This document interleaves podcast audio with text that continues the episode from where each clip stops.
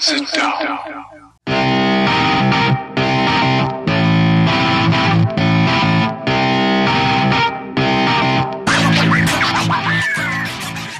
Witam wszystkich i każdego z osobna. Ja jestem Robert Kochan, a to jest Kochana NBA, najbardziej nieobiektywny podcast o najlepszej koszkarskiej lidze świata.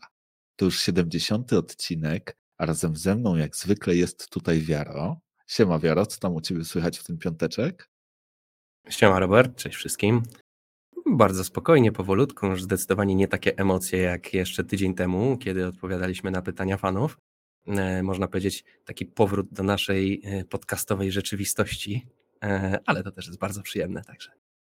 No, bardzo przyjemne, zwłaszcza w takim momencie jak teraz, bo też mamy okazję na świeżo zareagować, bo no właśnie, wczoraj w nocy poznaliśmy pierwsze piątki tegorocznego meczu gwiazd, już 71 nie byłem gdzieś tam zdumiony trochę, jak zobaczyłem tę liczbę, jednak no nie zdawałem sobie do końca sprawy, że aż tyle tego jest taki kawał historii za nami, jeżeli chodzi o ten All-Star Game. No i właśnie, poznaliśmy te pierwsze piątki oraz też przy okazji e, kapitanów drużyn.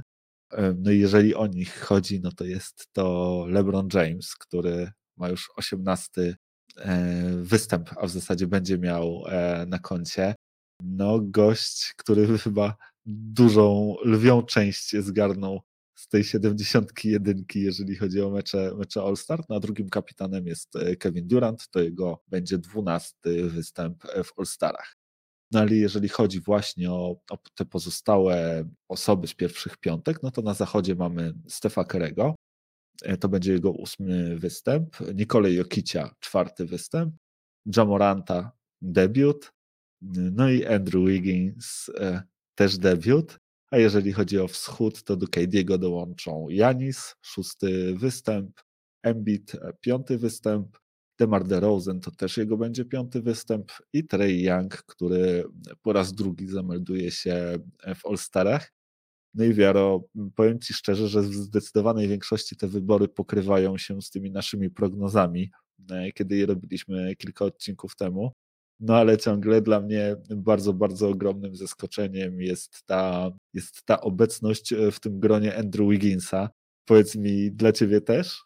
No nie tylko chyba dla mnie i dla ciebie, ale chyba dla większości fanów NBA. E, jakbyś sobie tą, te dwie pierwsze piątki all-starowe rozłożył obok siebie, to można by śmiało zagrać w grę z ulicy Sezamkowej, że któraś z tych rzeczy tutaj nie pasuje, znajdź, znajdź ją. E, myślę, że nie byłoby trudno. No tak, no to, to totalne zaskoczenie dla mnie, Andrew Wiggins. No wiesz, to tylko pokazuje, dlaczego nie powinni fani mieć e, wszystkich tych decyzji związanych z All-Starami w swoich rękach. Dlaczego liga słusznie stwierdziła, że jednak ym, tą zabawę w, w, głosowanie należy podzielić i, i, należy tutaj zrobić tak, żeby jednak to miało wszystko ręce i nogi, tym bardziej, że te All-Stary dla nas to jest zabawa, dla nas to jest jakieś tam haha hi, hi tak jak e, tutaj nieraz próby były różnego strollowania tego głosowania e, all-starowego. Różni zawodnicy gdzieś tam, mm, po których nikt się nie spodziewał nigdy, żeby, żeby, żeby byli wysoko w głosowaniu na all-stary, w tych głosowaniach all-star bywali. No i tak po prawdzie, no to nie ma się czemu dziwić. No to, to, to zawsze tak było, tak? Zawsze, zawsze były te próby. Tym razem Andrew Wiggins sobie też gdzieś tam zasłużył na to, na to uznanie. Nie jest jakąś tutaj totalną niespodzianką, to pod takim kątem, że Andrew Wiggins to jest jakiś, jakiś zawodnik tam siódmy z ławki. To jest jakby nie było gwiazda swojego zespołu, no ale bez przesady, tak? To, to tutaj chyba nikt go w pierwszym składzie All-Star nigdy nie typował. E, no ale ja myślę, że to też się nigdy więcej nie powtórzy. Myślę, że to jest e, taki. Ja nie jestem do końca przekonany, czy to jest na serio, czy to jest po prostu trolling ze strony kibiców NBA, ja bym raczej obstawiał to drugie, bo nie wiem, czy ktoś naprawdę z czystym sercem głosował na Andrew Wigginsa? No ja bym na pewno nie głosował. Zresztą wiesz, że w, w naszych wyborach y, Andrew Wiggins nie znalazł się w całej dwunastce zachodu, jeżeli chodzi o, o wybory. No bardzo dziwnie jest tam go widzieć, przynajmniej dla mnie. Nie, nie jest to do końca coś, co popieram, no ale wiesz, no fajnie dla niego, tak? Przygoda życia. Natomiast ja myślę, że tutaj w dużej mierze e, zawaliło jednak NBA, bo powinni przyłożyć te same zasady, które, które przykładali do, do innych zawodników, e, właśnie na przykład do Luki Doncicia, tak? Jeżeli DeMar DeRozan, który na co dzień w swoim zespole no 90% czasu jednak spędza we frontkorcie, może występować na backkorcie drużyny wschodu, to dlaczego Luka Doncic nie może występować powiedzmy we, we frontkorcie zachodu, tak? Myślę, że gdyby była taka możliwość, to Andrew Wigginsa by tutaj nie było. Zresztą no, Luka bardzo popularny i też mega, mega dużo tych, tych głosów e, zgarnął. Ostatecznie wyprzedził go Ja, tak, tym swoim fantastycznym sezonem. No i właśnie wyrwał mu to miejsce w All-Starach. No ale, ale mimo wszystko jednak zdecydowanie chętniej widziałbym Lukę w tej drużynie zachodu zamiast Andrew Wigginsa. Wydaje mi się, że to by było z dużo większym pożytkiem też dla samego widowiska, jakim jest mecz gwiazd. No to bez dwóch zdań. A jeszcze kończąc myśl, którą, którą zacząłem mm, przed chwilą, wiesz, dla nas to jest wszystko fajnie, dobra zabawa i można się troszkę pośmiać, można sobie trochę potrolować, ale to się później przekłada na kontrakty, przekłada się na inne rzeczy w NBA, przekłada się na, mm, na to, jak przyszłość tych zawodników y, dalej się w lidze prezentuje. Andrew Wiggins to nie jest zawodnik, który, którego jak przynajmniej wobec się uważa za All-Stara, dość powiedzieć, że właśnie w naszych dwunastkach się nie znalazł i ciężko tak naprawdę pewnie poza fanami Golden State szukać jakiejś, y, jakiejś grupy fanów, która by na tego Andrew Wigginsa głosowała z czystym sumieniem, a nie właśnie z przekory. Mm, także no, to nie jest fajne. Tak jak mówisz tutaj, szkoda, że NBA nie, nie dała nam właśnie możliwości trochę pożonglowania tymi składami. Myślę, że coraz bardziej w tą stronę idziemy. Kiedyś mieliśmy jakby nie było pięć pozycji, dzisiaj już mamy tylko trzy pozycje tutaj. Myślę, że to, to dalej będzie gdzieś tam płynąć. Mm, no bo to nie ma sensu, tak? No, Luka sobie zdecydowanie bardziej zasłużył, czy na to, żeby w tym pierwszym składzie się znaleźć, czy też inni zawodnicy, a nie, a nie Andrew Wiggins. No dokładnie tak. E, żeby nie było, tak jak już wspomniałeś, e, no Andrew Wiggins naprawdę gra dobry sezon, tak? Jak na niego gra, gra ten sezon naprawdę solidny, te skuteczności są zadowalające, te, te numery wyglądają naprawdę fajnie i był wymieniany gdzieś tam, jeżeli chodzi o, o rotację do tego meczu gwiazd. Niektórzy nawet widzieli go jako właśnie kolejnego reprezentanta Golden State, zwłaszcza kiedy ta drużyna była na samym szczycie zachodu. No ale jednak wydaje mi się, że, że częściej inni zawodnicy jednak byli doceniani. No, ja też jednak stawiałbym na innych, natomiast no, jak mówię, e, przygoda życia na pewno dla Andrew Wigginsa no i zobaczymy, mm, co pokaże. No słuchaj, dobrze, to teraz e, na moment my spróbujemy się e, wcielić trochę w rolę kapitanów obu drużyn.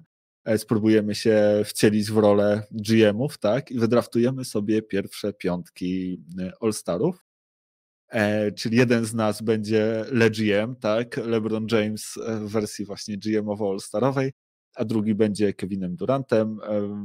LeBron wybiera pierwszy, no i właśnie teraz zrobimy sobie losowanie o to, który z nas e, będzie Lebronem. Wiaro, jak wypadną nieparzyste, ty zaczynasz, jak wypadną parzyste, ja zaczynam. Zgadzasz się? Zgadzam się, rzucaj śmiało. No to rzuciłem jedynkę na kostce, czyli, czyli nieparzyście, czyli co? Ty zaczynasz, tak? Tak, no, czyli co? Mm, ja się bawię w Legiema, rozumiem. I rozumiem, że sam już gram w swojej własnej drużynie, E, więc do LeBrona Jamesa po prostu dokładam, tak? No dokładnie tak, no nie możesz wybrać samego siebie, tak, LeBronie, więc e, dalej e, pokaż tutaj, buduj drużynę. No, widzisz, a chętnie bym wybrał jeszcze cztery razy siebie do tej drużyny. Myślę, że to naprawdę dobra drużyna by była, jakbym tam było pięciu Lebronów. No ale dobra, skoro, skoro, skoro się Le Lebrona się nie da, to weźmy drugą najlepszą rzecz po Lebronie, która jest w tym momencie w lidze. Zawodnika, który daje mi wszystko z pozycji centra daje mi absolutnie każdą jedną statystykę, na którą, którą mógłbym sobie zażyczyć, jeżeli chciałbym mieć statystyki i daje mi wszystko na boisku tak naprawdę poza, jakiegoś, poza jakimś naprawdę super solidnym e, chronieniem obręczy. Mm, dlatego u mnie z pierwszym pikiem Nikola Jokic. No proszę, Lebronie, nie spodziewałbym się po tobie niczego innego niż temperingu. Tak ci powiem, jak Janis. Nie skusisz Jokicia do Los Angeles, nie uda ci się to. Dobra, teraz moja kolej w takim razie jak tu do tego podejść strategicznie. Z tego, co, co słyszałem, to właśnie KD e, po porażce e, w swoim ostatnim sezonie zamierza się odegrać, więc ja tutaj też e, spróbuję jakiegoś mądrego pika znaleźć i postawię na gościa, który puka do top 10 najlepszych zawodników wszechczasów. Na pozycji point guarda, gość, który w każdej chwili, jeżeli zechce, może zostać All-Star MVP, Steph Curry. Ej, no kurczę, trzeba przyznać, że czaiłem się, myślałem, że może się skusisz na coś innego tutaj. Nie udało się. E, Steph Curry niestety off the table, jak się to mówi. No cóż, no to w takim razie mój drugi pik. O, to jest bardzo ciężkie. Przydałby mi się tutaj Steph Curry. Nie powiem, że nie byłby idealnym uzupełnieniem moich dwóch e, pierwszych pików, ale myślę, że pójdziemy trochę w inną stronę ponieważ w drafcie jednak wypada po prostu zbierać to, co najlepsze i martwić się rezultatami, które z tego wynikną później, mm, no to ja dokładnie tak samo zamierzam zrobić i teraz. Skoro już y, mam świetnych prowadzących, skoro już mam gości, którzy, którzy naprawdę w każdym bolidzie czują się za kółkiem fantastycznie, no to teraz przydałby się jakiś solidny bolid. Mam, mam jednego tutaj kandydata, który walcem ostatnio dojechał do finałów, więc biorę ten walec i teraz z moim drugim pikiem Janis Antetokounmpo. Demet, zabrałeś mi walec sprzed nosa. Ja właśnie między Janisem a Stefem zastanawiałem się na tym pierwszym piku. No ale dobra, no to słuchaj, to skoro ty mi tak podebrałeś, to ja ciebie spróbuję w takim razie skontrować e, teraz i ty mówisz najlepszy center teraz w NBA, to ja mówię sprawdzam i wystawiam tego drugiego, który sobie podobne miano rości i który ostatnio pokazuje, że jest w takiej formie, że no szturmem wydarł się już na drugie miejsce w tym wyścigu MVP i zobaczymy, czy się zdoła zatrzymać. Mam nadzieję, że nie przed All-Starami. E, z moim pikiem drugim tutaj Joel Embiid do mojej drużyny. No niestety jest trochę wielkoludów. E, kogoś, kogoś na pewno miał, miałbyś, e, żeby, żeby się przeciwstawić moim dwóm wieżom. Albo byłby to Embiid, albo byłby to Janis, gdybym Embida wziął. Mm, no więc trudno, no, no, no, z tym muszę jakoś żyć. Nie dało się tego, tego problemu obejść. Raczej nie, nie pozwoliłbyś mi zebrać wszystkich wielkoludów. Poza tym no, no, no nie miałbyś żadnej odpowiedzi wtedy na tą drużynę. To ja się teraz postaram mieć jakąś odpowiedź na, na, na Twojego Stefa, bo to no nie powiem, e, to jest problem, z którym póki co no nie mam nawet narzędzi do tego, żeby sobie próbować z nim poradzić. E, więc weźmiemy e, gościa, który, którego to będzie debiut wprawdzie w All-Starach, ale gościa, który ma chyba wszystkie potrzebne predyspozycje, żeby z tym Stefem Kerem stanąć i walczyć jak równy z równym. Atletyczność, kosmiczna, po prostu nie z tej ziemi. Mm, świetne umiejętności, szybkość, agresja, brak jakiegokolwiek strachu. E, no i powiem ci, że długi jest, więc myślę, że mógłby trochę Stefowi poprzeszkadzać, a przynajmniej na tyle, na ile Stefowi można przeszkadzać. Także e, z moim kolejnym pikiem Jamorant. No do ostatniej chwili twojego opisu miałem nadzieję, że powiesz Andrew Wiggins, że to takie szydercze e, opisanie, chociaż w wielu punktach rzeczywiście też można powiedzieć, żeby się zgadzało, ale jednak ten jab odebrany. No dobrze, słuchaj, to ty chcesz skontrować strefa, Stefa, to ja tego Stefa zdubluję i wybiorę w takim razie Traja Younga i zrobimy sobie konkurs trójeczek AMB na zbióreczki. No, powiem ci, że to, to nie jest głupie. To nie jest głupie. E, no ja no, powiem tak, teraz już się zaczynają proste wybory, e, biorąc pod uwagę, kto nam tutaj został. No, chyba byłoby zbrodnią nie wybrać Demara DeRozana, e, także w moim przypadku kolejnym zawodnikiem jest Demar DeRozan. Myślę, to bardzo dobre uzupełnienie tego składu. Gościu, który przeżywa wprawdzie drugą młodość, ale jeżeli ta druga młodość ma potrwać, no to ja biorę takiego gościa w ciemno do mojej drużyny. No nie dziwię ci się, no i mi się ostał ten Andrew nieszczęsny, tak? E, chodź Andrew, wybieram ciebie. Jesteś moim następnym wyborem. Gratuluję, witam w teamie KD. No i słuchaj, ostatecznie wyszło to tak, że w twojej drużynie LeBron James, Nikola Jokic, Janis Antetokounmpo, Jamorant i DeMar DeRozan. No, ogólnie bardzo blisko troszkę tej piątki, którą sobie składałeś ostatnio E, jako tą swoją wymarzoną, nie? Tam, e, tam akurat Luka był zamiast, zamiast, Lebrona, ale tak, gdzieś, wydaje gdzieś mi się, że, że, bardzo podobnie to wyglądało, więc na pewno jesteś zadowolony. No z kolei po mojej stronie e, KD, Steph, Embiid, Trey Young i Andrew Wiggins jakbym się tak miał zastanawiać, to z uwagi, zwłaszcza na ten ostatni pik, spodziewałbym się, że twoja passa Lebronie zostanie przedłużona, bo chyba cztery z rzędu teraz, tak? Jeżeli chodzi o to e, GM-owanie Lebron tak. zgarnął. Więc, e, więc pewnie z tych wyborów można by było wnioskować, zwłaszcza z uwagi na tego Andrew, że, że to będzie piąte zwycięstwo. No ale zobaczymy. Wydaje mi się, że ten skład całkiem nieźle też udało mi się złożyć i, i że tego shootingu jest tam tyle, że wiesz, zawsze można na to postawić. No powiem Ci, że jakbyśmy mieli te pierwsze piątki na, na boisku ze sobą yy, zobaczyć, no to faktycznie, to prawdopodobnie moja piątka by to, my to zgarnęła ten mecz, ale ciężko by było właśnie z tym shootingiem. To masz trzech zawodników, którzy, którzy potrafią no, siać spustoszenie za trzy. Każdy z nich nie potrzebuje nic za, za specjalnie żadnego wsparcia do tego, żeby to y, zamieszanie siać. E, no i masz Embida, który, który też potrafi trójeczkę rzucić jak trzeba, e, a jakby nie było jest y, potężną, potężną bronią pod koszem. No jedynie ten Andrew Wiggins. No jakbyś faktycznie zamiast Andrew Wigginsa mógł tutaj dorzucić, nie wiem, Lukę Doncicia do tego składu, czy kogoś z powiedzmy tej półki, to myślę, że tutaj moglibyśmy, moglibyśmy śmiało mówić, że to będą wyrównane mecze i nie wiadomo, kto tutaj wygra.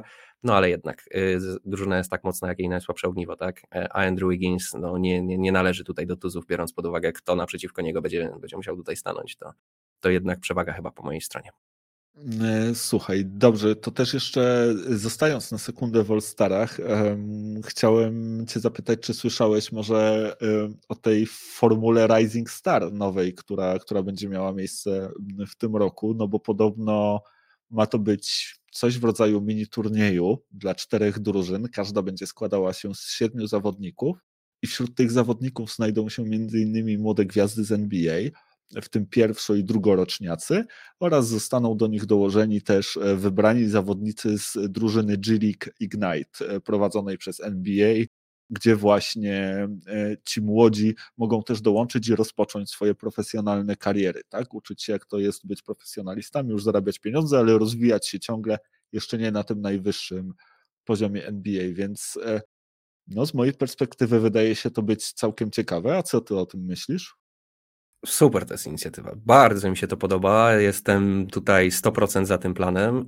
Te, te rozgrywki młodych zawodników i tak nigdy nie były jakieś super pasjonujące. Znaczy, fajnie się to oglądało. Ja akurat lubiłem zawsze to oglądać.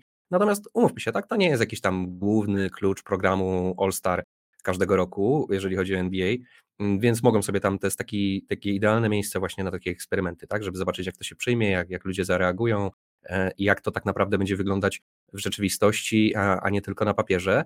Ja jestem wielkim fanem tego pomysłu. Ja w ogóle uważam, że All-Stary byłyby, jakbyśmy mieli na przykład e, takie coś, że chłopacy wybierają, nie wiem, sześć drużyn po trzech i jest turniej trzech na trzech, to też by się rewelacyjnie coś takiego w All-Starach oglądało.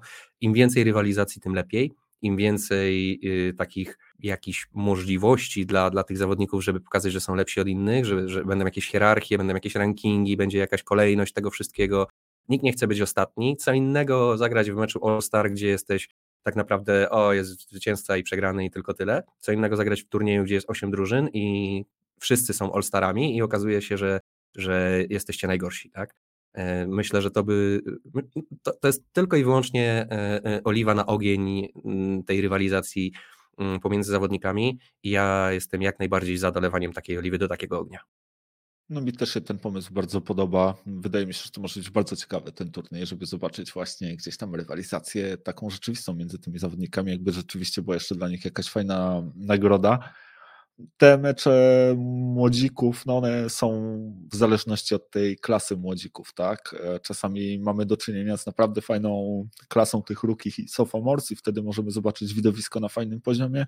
Czasami ten poziom jest odrobinę niższy i więcej się pojawia na przykład też nie do końca e, znanych powszechnie nazwisk.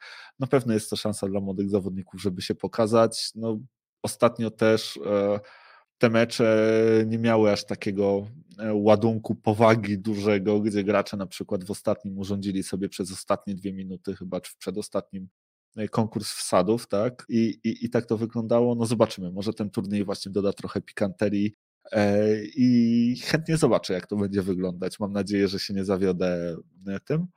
Ale dobra, zostawmy już te All-Stary i przenieśmy się do miasta Aniołów, do, do LA, no bo tam się ostatnio też e, sporo działo. I chciałbym tutaj zacząć z tobą od Lakersów, czyli pewnie od drużyny, której większość fanów NBA, jak pomyśli Los Angeles, to, to, to właśnie o niej. Mm, no bo słuchaj, Ostatnio mieliśmy drugą rocznicę śmierci Kobiego Bryanta. Wciąż nie mogę uwierzyć, że, że, że to się stało i, i jak Kobiego mi brakuje. No ale właśnie, e, Lakers też, co też znamienne w jakiś sposób, e, w dniu tej rocznicy byli na ósmym miejscu w swojej konferencji. mając 24 zwycięstwa i 24 porażki. No i powiem Ci, że Kobi pewnie patrząc z góry wcale nie, nie byłby zadowolony z takiego hołdu. On jednak w zupełnie innym miejscu widzi, widzi tę organizację. I to też takie było e, przykre trochę przy okazji właśnie tego, tego wspominania, przynajmniej dla mnie. Już myślałem, że zaczniemy nasze rozmowy o mieścianiu, od tej lepszej drużyny w mieścianiów. No ale skoro zaczynamy od Lakers, no to, no to pogadajmy sobie o Lakers. No tak jak mówisz, Lakers nie dzieje się dobrze. Totalnie ten, ten house that Kobe built jest, jest w totalnej rozsypce w tym momencie. Mm, no i ciężko, ciężko się faktycznie doszukiwać tutaj jakichś e, wielkich promyków nadziei gdzieś na horyzoncie. Mm, no nie tak sobie to na pewno wyobrażali. Wiesz, myślę, że też nikt sobie nie, nie, nie, nie przypuszczał przed sezonem, że ta drużyna będzie tak beznadziejna, jeżeli chodzi o, o, o defensywę. Frank Vogel jest ewidentnie mm, trenerem, który jakby po tej stronie boiska ma, ma swoje przewagi, to jest jego strona boiska, on w ofensywie nigdy nie był jakimś, jakimś turbogeniuszem, raczej jego drużyny zawsze opierały się na tym, że grały bardzo solidny defense i zresztą ci Lakersi też tak do tej pory mieli. Mm, no, no wiadomo, plaga kontuzji, przede wszystkim Anthony Davis, który wpada, wypada ze składu, to nie jest dobre dla budowania jakiejkolwiek ciągłości, to nie jest dobre dla budowania tych schematów defensywnych, do tego, żeby, żeby zgrywać ten zespół. E, no ale powiem Ci, że takiego, że tak powiem, szerotu dookoła Lebrona to sobie chyba nie wyobrażaliśmy, tak? Tym bardziej, że i Russell Westbrook, i, i LeBron James, mm, i Anthony Davis, no to jest naprawdę solidny trzon drużyny, tak by się wydawało, tak? Może on faktycznie ma swoje braki, ma, ma na pewno jakieś wady, e, ten, to, to zestawienie zawodników. Nie można powiedzieć, żeby to były klocki, które idealnie do siebie pasują, E, no ale bez przesady, tak? To są trzej zawodnicy naprawdę z najwyższej półki, a LeBron James i Anthony Davis już pokazali, że potrafią razem wygrać pierścień. Trochę w tym wszystkim mieli, mieli też y, ułatwione zadanie, bo umówmy się, to był specyficzny sezon. No ale tak czy inaczej, tak? Udowodnili, że są dobrą drużyną. A już LeBron James, no to nam wszystkim udowodnił wielokrotnie takie rzeczy.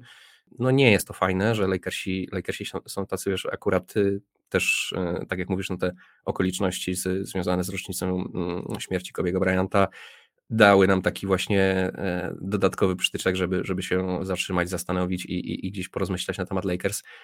No i właśnie wszystkim fanom Kobiego na pewno nie jest to w smak, że, że, że Lakersi akurat w taki sposób się prezentują, kiedy, kiedy jest druga rocznica śmierci Kobiego. No ale umówmy się, no Lakersi mają, mają jakby nie było, to nie jest zespół, który e, gdzieś jest po to stworzony, żeby oddawać hołd i cześć Kobiemu Bryantowi. To jest jakby nie było drużyna, która ma wygrywać mistrzostwa w NBA, więc oni się skupiają na tym sezonie. E, no i powinni się na tym sezonie skupić, no bo no nie jest dla nich łatwy sezon. E, tak jak mówię, ja tutaj nie widzę jakichś wielkich promyków nadziei, pewnie sobie jeszcze o tym wszystkim pogadamy, mm, ale w tym momencie, no, jeżeli Lakers nie, nie, nie zmienią czegoś w, w, tym, jak ta defensywa tego zespołu wygląda, no to, to, to, nic się nie wydarzy. 27 bodaj defensywa w tym momencie na 30 zespołów w lidze. To z taką defensywą to się nie da nic niestety wygrać. Nie trzeba być drużyną top 5 w defensywie, a, aczkolwiek to a, absolutnie pomaga i to jest dobre być taką drużyną, ale no, musisz być przynajmniej średni, musisz być przynajmniej gdzieś tam w, tej, w, w okolicach tej piętnastki się łapać, mm, żeby móc myśleć o jakichkolwiek e, sukcesach w playoffach. 27 no to jest ho, ho, ho. To mi się wydaje, że akurat poprawili się trochę w tej obronie ostatnio, że to już jest wyższe miejsce niż 27, ale mogę się mylić, bo, bo nie sprawdzałem jakoś e, na bieżąco. Na pewno tym e, promykiem nadziei może być wspomniany przez ciebie LeBron James i jego fantastyczna forma, bo to, co gość robi w tym momencie, to jest po prostu nie do uwierzenia. No, w tym sezonie robi 29,1 punktu, co jest najwyższym wynikiem od 2010 roku. Robi do tego 7,7 zbiórki, 6,3 asysty, no i rzuca 2,8 trójki na mecz, co jest w ogóle największą liczbą w jego karierze. W ostatnich 18 meczach tylko 4 razy zdobywał poniżej 30 punktów. Ani raz poniżej 25, tak? Tylko, że co z tego, skoro bilans Lakers w tym czasie wyniósł 8 wygranych i 10 porażek i marnują kompletnie tę jego fantastyczną grę. No, LeBron gra tak jakby właśnie, jakby cofnął się w czasie o te kilkanaście nawet lat E, i wygląda jakby, w, nie wiem, jakby wchodził w swój drugi prime w karierze. Nie wiem, czy to jest e, w ogóle możliwe. Zresztą LeBron sam to doskonale czuje i po jednym z meczów e, powiedział, że no jest, zacytuję, I'm in one of the best zone offensively I've been in my career and I don't plan on stopping. Także LeBron doskonale, jak mówię, to, to czuje, że, że tutaj ta forma jest jak najlepsza, natomiast no właśnie, czy ona powinna teraz być wykorzystywana, czy jednak LeBron powinien być teraz troszkę oszczędzany i błyszczeć, pokazywać właśnie tę, tę swoją najlepszą dyspozycję w playoffach. Czy starczy mu sił? No póki co LeBron versus czas jest 1-0 dla LeBrona, tak, pokazuje, że potrafi ten czas pokonywać. No ale właśnie, czy, czy, tak będzie, czy tak będzie cały czas? Wiesz co, po tylu sezonach, kiedy ja go oglądałem, to naprawdę nie zamierzam przeciwko niemu stawiać. Jeżeli ma taką formę i on sam mówi, że nie zamierza się zatrzymywać, no to ja uważam, że on się nie, nie, nie zatrzyma, że tak to będzie wyglądało. To jest nie do uwierzenia. To jest naprawdę oglądać Lebrona w jego 19 sezonie. Nigdy się nie spodziewałem, że będzie grał na, na takim poziomie, że będzie super gwiazdą absolutną, jednym wciąż z najlepszych, ja wiem, top 5, top 3, to na pewno top 5 myślę śmiało, top 10 na 100% e, zawodników w lidze na ten moment. No słuchaj, e, marnują fantastyczny jego sezon i marnują go w, w beznadziejny sposób. Są faktycznie ciut lepszą, nie są już w tym momencie 27 defensywą, są 26 defensywą w lidze. Mm, niewiele się, się, się to zmieniło. To jest wciąż największa bolączka tego zespołu. LeBron James, mimo całej swojej wybitności, jest już zawodnikiem wiekowym i nie można liczyć też na to, że oprócz tego, co ci w tym momencie daje w ofensywie, będzie w stanie, nie wiem, przykryć najlepszego zawodnika przeciwnika i zatrzymać go, czy też y, stanowić taką pierwszą opcję w defensywie, że to tak ujmę. Ma ze sobą e, chłopaka 28-letniego Antonego Davisa, który powinien w tym momencie być faktycznie w pierwszym swoim prime, powinien być absolutną bestią i powinien być jednym z pięciu najlepszych zawodników w lidze on, a nie, a nie LeBron James na tym etapie. I to ja y, powtarzam od samego początku sezonu i będę to powtarzał, dopóki Anthony Davis nie zacznie grać na, naprawdę na miarę swoich możliwości, że to on stanowi główny problem w tej drużynie. To on powinien być tym, mm, tą kotwicą w defensywie, to on powinien być tym najlepszym zawodnikiem defensywnym, to on powinien siać postrach. E, przecież on ma takie same praktycznie warunki fizyczne jak Rudy Gobert. I ma instynkt do grania w obronie niesamowity, co już pokazywał nieraz. Przecież jak, jak on przyszedł do ligi, to, to się śmialiśmy, że to będzie zawodnik, który będzie przewodził swojej drużynie we wszystkich możliwych statystykach. No, być może w asystach, nie. Ale w blokach, w stylach, w, w, w punktach, w zbiórkach takiego zawodnika w nim, w nim widzieliśmy i taki, ten zawodnik autentycznie, Antony Davis ma taki talent. E, no tylko nie potrafi, nie potrafi nigdy tego swojego sufitu gdzieś tam dotknąć. Mm, no i to jest moim zdaniem jedyna nadzieja dla, dla, dla, Lakers. Utrzymywanie się e, takich twierdzeń, że przyjdą playoffy i jeżeli LeBron będzie grał cały czas to, co gra, to w playoffach e, na coś się to zda, no sam powiedziałeś, to się nie przekłada na wygrywanie w tym momencie. No, no sorry, ktoś się musi dorzucić. No, no sam LeBron to jest tylko, to jest tylko tyle, tak? E, ja nawet się e, Russella Westbrooka tutaj bym nie czepiał jakoś strasznie, bo Russell Westbrook o tyle, o ile nie gra jakichś tutaj fantastycznych zawodów, e, to gra to, co gra zawsze Westbrook. No. To, jest, to jest ta produkcja, którą on ci daje. I nie można powiedzieć, że, że to jest gdzieś tam w plecy, no bo jakby nie było, on zdobywa te 20 punktów, prawie 10 asyst, prawie 10 zbiórek w każdym meczu prawie, w którym gra. E, może skuteczności to jest coś, czego można się tutaj czepiać, nie daje ci shootingu, oczywiście turnovery, straty i tak dalej, mm, ale wciąż to nie jest y, jakby reszta ekipy grała na, na swoim poziomie, jakby wszystkie Maliki Monki i Avery Bradley i, i, i cała reszta tego szrotu, który, który otacza Lebrona, Westbrooka, no plus oczywiście Anthony Davis, jakby oni grali na, swo- na miarę swoich możliwości, to to by była super groźna drużyna i naprawdę wszyscy byśmy się bali w tym momencie, czy LeBron znowu nie zajdzie do finałów. No, okazuje się, że super groźna drużyna to nie jest. Wielu obawiało się tego wieku. O Westbrooku jeszcze, słuchaj, porozmawiamy, natomiast ja bym się tutaj chciał skupić e, chwilę na Antonym Davisie, no bo to rzeczywiście w jego powrocie Lakers e, upatrują chyba największą nadzieję na zmianę swojego losu. No bo rzeczywiście właśnie Antony Davis wrócił ostatnio po tej długiej pauzie, po kolejnej kontuzji no i zagrał dwa mecze. E, zagrał w wygranym meczu przeciwko Brooklyn Nets, takim rozbiegowym można powiedzieć, gdzie zdobył 8 punktów. No i zagrał w meczu bez Lebrona e, przeciwko 76ers, gdzie akurat, no moim zdaniem, zagrał naprawdę dobre i solidne spotkanie. E, w ofensywie, 31 punktów, 12 zbiórek. No ale właśnie, ty wspominałeś o tym, że to powinna być ta pierwsza opcja w defensywie Lakersów i Anthony Davis taką opcją dokładnie był w tych ostatnich dwóch meczach, co też pokazują gdzieś tam statystyki bloków, e, po cztery bloki w każdym meczu, no to to są takie numery, jak robi e, Rudy Gobert i akurat ten mecz e, z Filadelfią i, i ta przegrana i ta mała ilość zdobytych punktów przez Lakersów to zupełnie nie jest jego wina, tak? On tutaj zrobił co mógł i to właśnie z Russellem Westbrookiem, to po prostu cała reszta drużyny rzucała na poziomie kilkunastu procent e, za trzy, e, rzucając 30 razy w tym meczu, więc no akurat do Antonego Davisa tutaj wielkiego żalu bym nie miał. Natomiast e, no znowu w tym meczu z Filadelfią była taka sytuacja i to gdzieś tam na jego początku, gdzie Antony Davis zderzył się z Joelem Embidem, udał się do szatni na chwilę, znowu cała hala gdzieś tam wstrzymała oddech, no bo właśnie mm, e, z tym Antonym Davisem to, to tak już jest, że, że on się pojawia i znika, no i chyba właśnie to, to, to pokładanie w nim nadziei no, nie ujdzie Lakers na sucho w tym sezonie. No ja uważam, że to są płonne nadzieje. Ja uważam, że nic z tego nie będzie. Antony Davis po prostu po raz kolejny mnie zawodzi, a to jest gość. Wracając jeszcze w ogóle do jego draftu i momencie, kiedy, do momentu, kiedy on przyszedł do ligi, e, to był gość, któremu ja naprawdę bardzo mocno kibicowałem. Bardzo go lubiłem, e, chyba nie tylko ja, z tego co wiem, ty też miałeś ogrom sympatii do niego. E, to był koleś, który był e, przez większą swoją część kariery koszykarskiej point guardem, nie był jakoś specjalnie super wielki.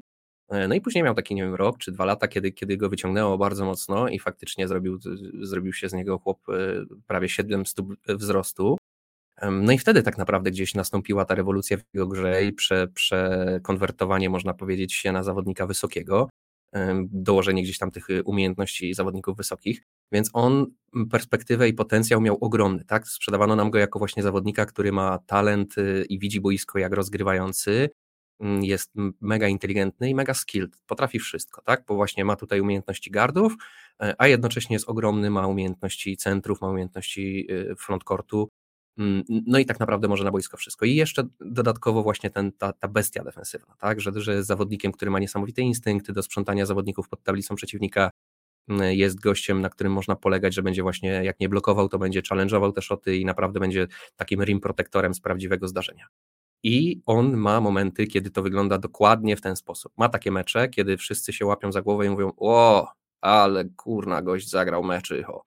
Tylko, że to są mecze, to są poszczególne, pojedyncze mecze gdzieś tam przez cały sezon. A tak to właśnie ma takie przypadłości, że potrafi zagrać mecz, w którym zdobędzie 8 punktów i 5 zbiórek, mimo tego, że zagrał 25 minut to jest niewybaczalne dla zawodnika o takim talencie. To jest po prostu marnotrawienie e, tego jego talentu. Ja nie wiem, z czego to wynika, czy to są gdzieś w jego psychice po prostu jakieś tak e, problemy, czy to są stricte po prostu te kontuzje i to, że on jest wiecznie poobijany i cały czas nie jest zdrowy.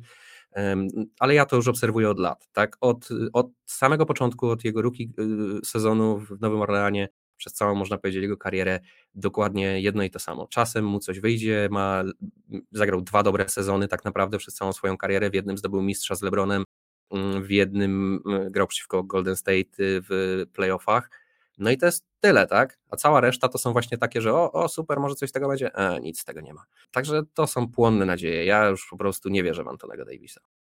No to widzisz, no to ja uważam, że z kolei się trochę niepotrzebnie i za bardzo czepiasz tego biednego Antonego Davisa, bo akurat o ile gdzieś tam rozumiem te zadry z przeszłości, o tyle ten mecz ośmiopunktowy, to jest pierwszy mecz po powrocie z kontuzji, właśnie 25 minut, rozbiegówka, powrót trochę do takiego rytmu NBA.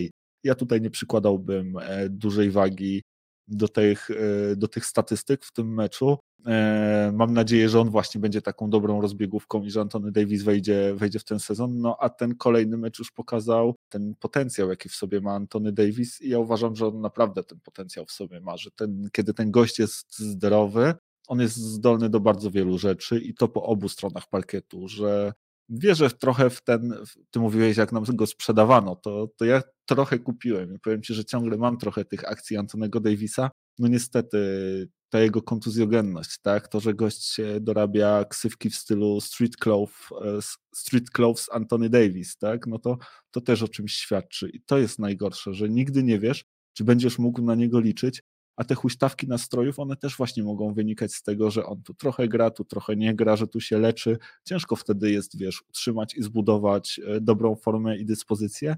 Natomiast wydaje mi się, że Antony Davis też gdzieś tam może być w stanie to zrobić, a wtedy w duecie z LeBronem, no i właśnie e, z Russellem Westbrookiem, a może nie, to może być naprawdę e, ciekawe, ciekawe zestawienie i, i groźny przeciwnik. No ale dobra, właśnie przejdźmy do tego Russella Westbrooka, tak? Do ostatniego z naszej wielkiej e, trójki w Lakersach, no bo ostatnio pojawiły się plotki, że, że Lakers myślą nad e, wymianą Russella Westbrooka za Johna Walla, który, żeby było ciekawiej, jest klientem Clutch Sports, czyli tej grupy menedżerskiej należącej też między innymi do Lebrona. No i właśnie, ja się ostatnio śmiałem, budując mój backcourt, tak, najdroższy i najgorszy, a tu się może okazać, że e, panowie po raz kolejny zostaną e, za siebie wymienieni, że e, w tej wymianie jeszcze dodatkowo pik z pierwszej rundy draftu 2027 Lakersów powędruje do Houston, co też byłoby zabawne,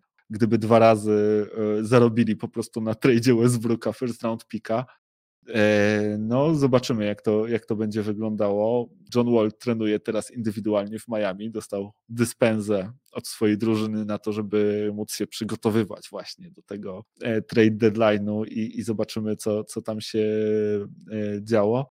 Ale z drugiej strony też ostatnio pojawił się taki artykuł na stronie ESPN. Napisała go niejaka Ramona Shelburne, czyli akurat dziennikarka, która spraw Lakersów jest bardzo blisko i która ma całkiem niezłe wtyki, jeżeli chodzi o, o, ten świat cały Los Angeles koszykarski, jak i również właśnie e, tę słynną organizację. No i właśnie, podaje wypowiedź jednego ze swoich źródeł gdzieś tam e, z wewnątrz organizacji, e, które, które zdaje się mówić, że no właśnie, że raz jednak troszkę ten jego kontrakt jest nietradowalny i że jest ich jedyną opcją na, na ten sezon i że tak naprawdę nie mają żadnego planu B, że, że pewnie rasa nie uda się, się wytradować i że muszą e, do końca sezonu radzić sobie z tym, co mają. E, no i właśnie, co Twoim zdaniem powinni zrobić? Czy ten raz powinien zostać? Czy powinni go tradeować, szukać jednak tego e, Johna Walla? Czy powinni coś w ogóle, nie wiem, Taylana Hortona Takera, bo to jest chyba jeden z ich niewielu opcji, które mają próbować wytradować, żeby kogoś pozyskać? Czy, czy co Lakersi twoim zdaniem powinni zrobić? No i widzisz, mówiłeś, że kończymy już temat Antonego Davisa, ale to wszystko wraca do Antonego Davisa tak naprawdę. E, to są wszystko jakieś bzdury, jak dla mnie. Ja nie wiem skąd i dlaczego ludzie mają jakieś takie przeświadczenie, że w Lakersach e, ten front office to są jacyś idioci i naiwni. Ja nie wiem, dlaczego oni by mieli wymienić e, Russella Westbrooka na Johna Walla. To jest jak dla mnie zamienianie jednego na dokładnie to samo praktycznie. E, John Wall jeszcze tym jest podatny na kontuzję i nie wiadomo w jakiej jest formie, nie wiadomo co będzie sobą prezentował. Russell Westbrook, ale w najlepszym wypadku będzie prezentował sobą to, co prezentuje Russell Westbrook w tym momencie więc absolutnie nie widzę tutaj jakiegokolwiek sensu takiej wymiany. E, Lakers mają jeden problem i ten problem, jak chcą rozwiązać, ja się tutaj jakby w 100% zgadzam z Ramoną Shelburne. Tu nie ma planu B. Tutaj jest taki plan, że LeBron James, Anthony Davis i Russell Westbrook doprowadzą tą drużynę do finałów i coś wygrają. No i Anthony Davis to jest moim zdaniem klucz tutaj do tego sukcesu, bo to co o nim powiedziałeś, że to był tylko mecz rozruchowy, nie ma się co przejmować. Jasne, to jest tylko jeden mecz, natomiast chodzi o to, że Antony Davis takich meczy zagrał bardzo dużo w swojej karierze. On potrafi takie mecze w playoffach zagrać, będąc w 100% zdrowym. On potrafi zagrać taki mecz na 8 punktów, 7 zbiórek. Tak, o, sam z siebie. I to jest moim zdaniem główny powód tego, że oni, no i oczywiście ta jego kontuzja, że, że, że oni nie mogą na niego liczyć, nie mogą na niego, e, nie mogą na nim polegać tak w 100%. I, I to jest moim zdaniem klucz do całego sukcesu. No bo tak jak mówisz, no, y, Russell Westbrook nie jest pisem, po którego ktoś chce w tym momencie tradeować. Jak chcesz go w tym momencie sprzedać, to prawdopodobnie musisz komuś jeszcze zapłacić za to, żeby go od ciebie kupił. Mm, no i tak naprawdę co jest na rynku? Jest y, gdzieś może, może y, Bradley Bill, ale kto o zdrowych zmysłach oddałby Bradley'ego Billa za, za Westbrooka? Jest Ben Simmons, no ale to też nie wchodzi w grę jest Dame Lillard, co jest tym bardziej absolutnie kuriozalne i absolutnie nie zajdzie taka, taka wymiana. E, no oni nie mają absolutnie żadnego ruchu konkretnego, który, który można by powiedzieć, że, że coś by wiele zmienił. Być może można trochę tym szrotem dookoła e, tej wielkiej trójki pożonglować. Może jakieś drobne wymiany, może faktycznie jakiegoś Malika Monka, może może sprzedać jakiś jeszcze tego draft picka z 2027, który się im ostał, e, żeby coś dołożyć do tej drużyny, no bo oni są all-in już w tym momencie, no jak wszedłeś all-in, no to co jeszcze możesz więcej dorzucić, no już i tak wszystko przegrasz, jak przegrasz, tak? Więc no już, już, już nie robi ci to większej różnicy. Już jak masz jeszcze jakieś drobne zaskórniaki gdzieś tam po kieszeniach pochowane, no to już też to wrzuć. No. Jak się uda wygrać, to, to, to jakby nie było, wszystkie grzechy zostaną wybaczone. E, a jak się nie uda wygrać, to już i tak wiele więcej nie stracisz niż, niż ten sezon. E, ja myślę, że to nie będzie e, wygrane. Ja myślę, że to będzie właśnie taki sezon, gdzie Lakersi będą musieli się zadowolić planami na przyszłość i myśleniem o tym, że ta wielka trójka jeszcze w przyszłym roku coś być może pokaże. No bo tak jak ty wspomniałeś, ten kontrakt nie jest tradowalny, a jeżeli jest, to za, za, za Johna Walla, a to nic absolutnie nie, nie zmienia taka wymiana. Nie ma więcej ruchów za bardzo od sami Lakersi. No, no co oni mogą więcej zrobić? No zgadzam się z tobą. Ciężko będzie ten kontrakt wytradować właśnie inaczej niż za Johna Walla, a ten John Wall no, niekoniecznie musi, musi tutaj wnieść i jednak e, wydaje mi się, że Russell jest bardziej sprawdzony. Trzeba też pamiętać, że to jest gość, który, na którego możesz liczyć, że on będzie w tych meczach występował. Tak? W przypadku Johna Walla no to nie jest do końca powiedziane, on ma tę przypadłość z Antony Davis. Natomiast, żeby gdzieś tam jeszcze wlać promyk nadziei e, w serca kibiców Lakers, to moim zdaniem, jeżeli Antony Davis będzie zdrowy, to, to tę drużynę jednak e, stać na, na całkiem sporo, bo tak naprawdę ciężko nam było też to do końca zobaczyć, nie? Gdzieś tam e, do tej pory, jak oni razem grają. Trzeba pamiętać, że ci trzej zawodnicy, czyli właśnie LeBron, AD i Raz, grali razem tylko 15 spotkań w tym sezonie, tak? Mniej niż 300 minut razem spędzili na parkiecie, a są to zawodnicy jednak, każdy z nich ma bardzo duży potencjał. No a LeBron, tak jak mówiliśmy, no, gra jeden z najlepszych sezonów w karierze, jeden z najlepszych sezonów e, teraz, tak, obecnie w tym, w tym, e, w tym sezonie NBA. Więc e, no naprawdę, zdrowy Antony Davis, może tak jak mówisz, właśnie on jest tutaj kluczem. Moim zdaniem jego zdrowie, twoim zdaniem jego zdrowie plus dobra forma, tak, lepsza niż tą, którą obserwowałeś w przeszłości. równa, równa, przede wszystkim równa forma. Oczywiście, żeby to była równa dobra forma, nie, nie równa 8 punktów, 7 zbiórek co mecz. E, ale tak, no, ja popieram jakby wszystko, co mówisz. Ja też uważam, że y, ja też wiem, że Antony Davis ten potencjał ma, tak? My to widzieliśmy nie raz, bo on gra mecze, gdzie naprawdę szczena opada. E, no ale gra też mecze, gdzie, gdzie jest po prostu totalna padaka.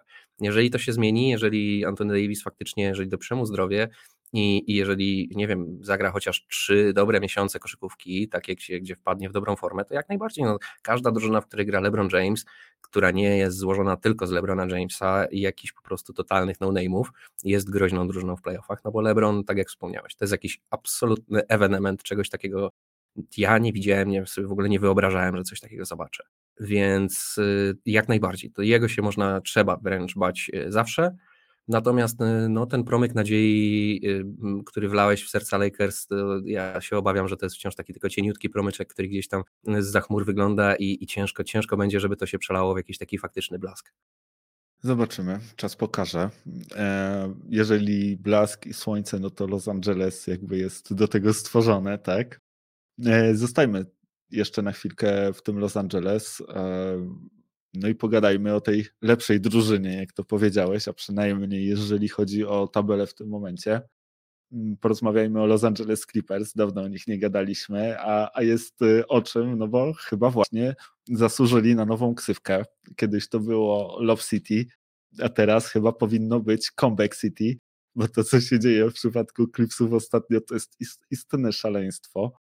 E, są pierwszą drużyną w ciągu ostatnich 25 lat, która zanotowała trzy comebacki ze straty 24 lub więcej punktów w jednym sezonie. I słuchaj, zrobili to w dwa tygodnie.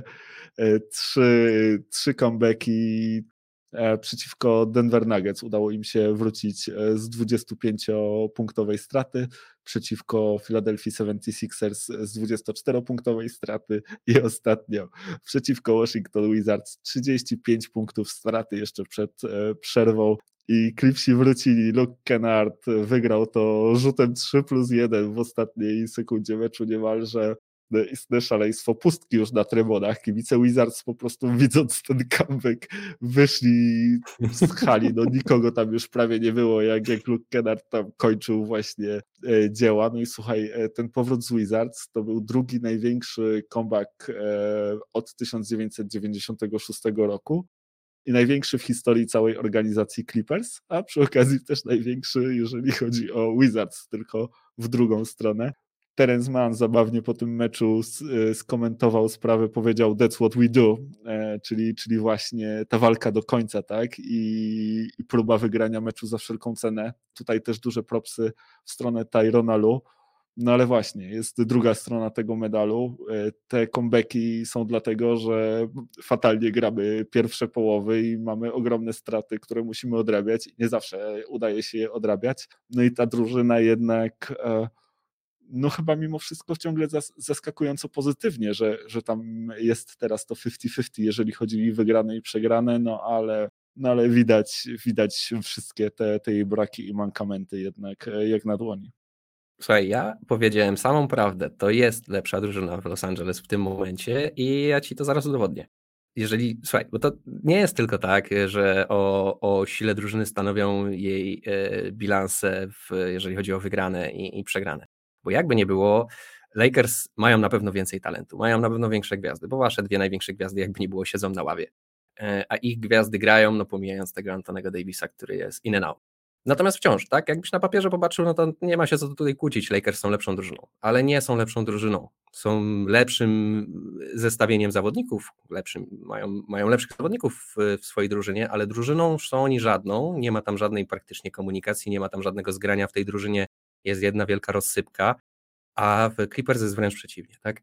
Clippers to jest taka drużyna, że założę się, że większość z naszych e, słuchaczy nie potrafiłaby wymienić pierwszej piątki w tym momencie. Ja bym miał pewnie trudności, mógłbym się pomylić, wymieniając waszą pierwszą piątkę e, w tej chwili. A ta drużyna jest, tak jak mówisz, 50-50 na zachodzie, wciąż w walce o ten play-in tournament, czy nawet playoffy, mm, takie stricte o, chociaż o to będzie ciężko tak jak mówię, nie mając praktycznie żadnych solidnych naprawdę zawodników w swojej drużynie, tak? E, jakbyś miał powiedzieć, kto jest w tym momencie waszym najlepszym zawodnikiem, no to nie wiem, czy byś nie wskazał przypadkiem na Terensa Mana, który jest zawodnikiem, który powinien być tak naprawdę takim, e, takim łącznikiem zespołu, tak? takim gościem od brudnej roboty. Ciężko się naprawdę doszukiwać jakichś, jakichś wielkich tuzów e, w, w Clippers. E, w tej chwili jest tak wielu zawodników, którzy też gdzieś przeżywają e, renesans formy, jak nie wiem, Nicolas Batum, którego się y, słyszałem, że koledzy z zespołu nie mogą się nachwalić gościa, a, a też taki zawodnik, którego już dawno wszyscy skreśliliśmy i, i, i nikt o nim nie pamięta, kiedy to były te czasy jego świetności w Portland. Także ja jestem pod ogromnym wrażeniem tej drużyny. Uważam, że to jest właśnie świetna drużyna. Są takie, są, są takie ekipy w, w NBA, gdzie tą drużynowość, to zgranie, tą, tą właśnie taką walkę jeden za drugiego widać od razu. Nie?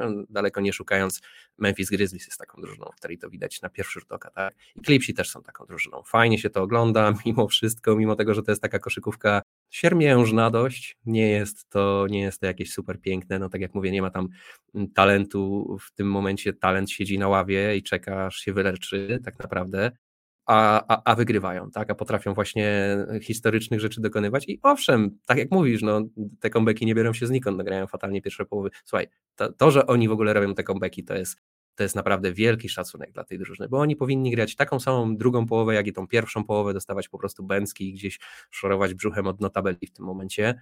Mm, a jak widać, Tailu robi fantastyczną robotę z tym zespołem, e, super mi się to podoba. I tak jak mówię, dlatego ja uważam, że to jest ewidentnie lepsza drużyna Los, z dwóch drużyn, które grają w Los Angeles. No ciekawe, że tak na razie tabela na to wskazuje. Myślę, że tak nie będzie. Myślę, że, że jednak Lakers nas przeskoczą, że my też nie będziemy potrafili się bez Paula George'a i Kawaja utrzymać na tym poziomie 50-50, że jednak to będzie troszkę, troszkę poniżej na pewno, wiesz, jesteśmy drużyną takich weteranów, którzy nie mają nic do stracenia, tak? Nasz właściciel nie chce, żebyśmy tankowali, chce, żebyśmy właśnie pokazywali charakter i walkę w każdym meczu. Nasz coach też potrafi do tego tych zawodników zmotywować. No to jest banda weteranów, tak?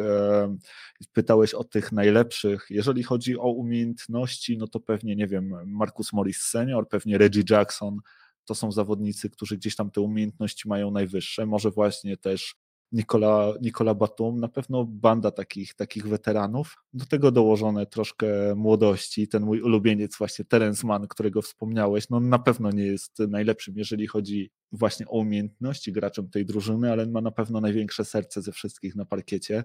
Też niesamowicie jest inteligentny, więc za każdym razem jak go widzę, to, to gość mi naprawdę imponuje i to jest gość, którego nie widać w boxscorach, ale którego kiedy widzisz na boisku, to mówisz, no wow, chciałbym, żeby ten gość grał właśnie w mojej drużynie po, po mojej stronie parkietu, więc e, jestem ogromnym fanem. Natomiast, e, no właśnie, jestem też, też realistą. No.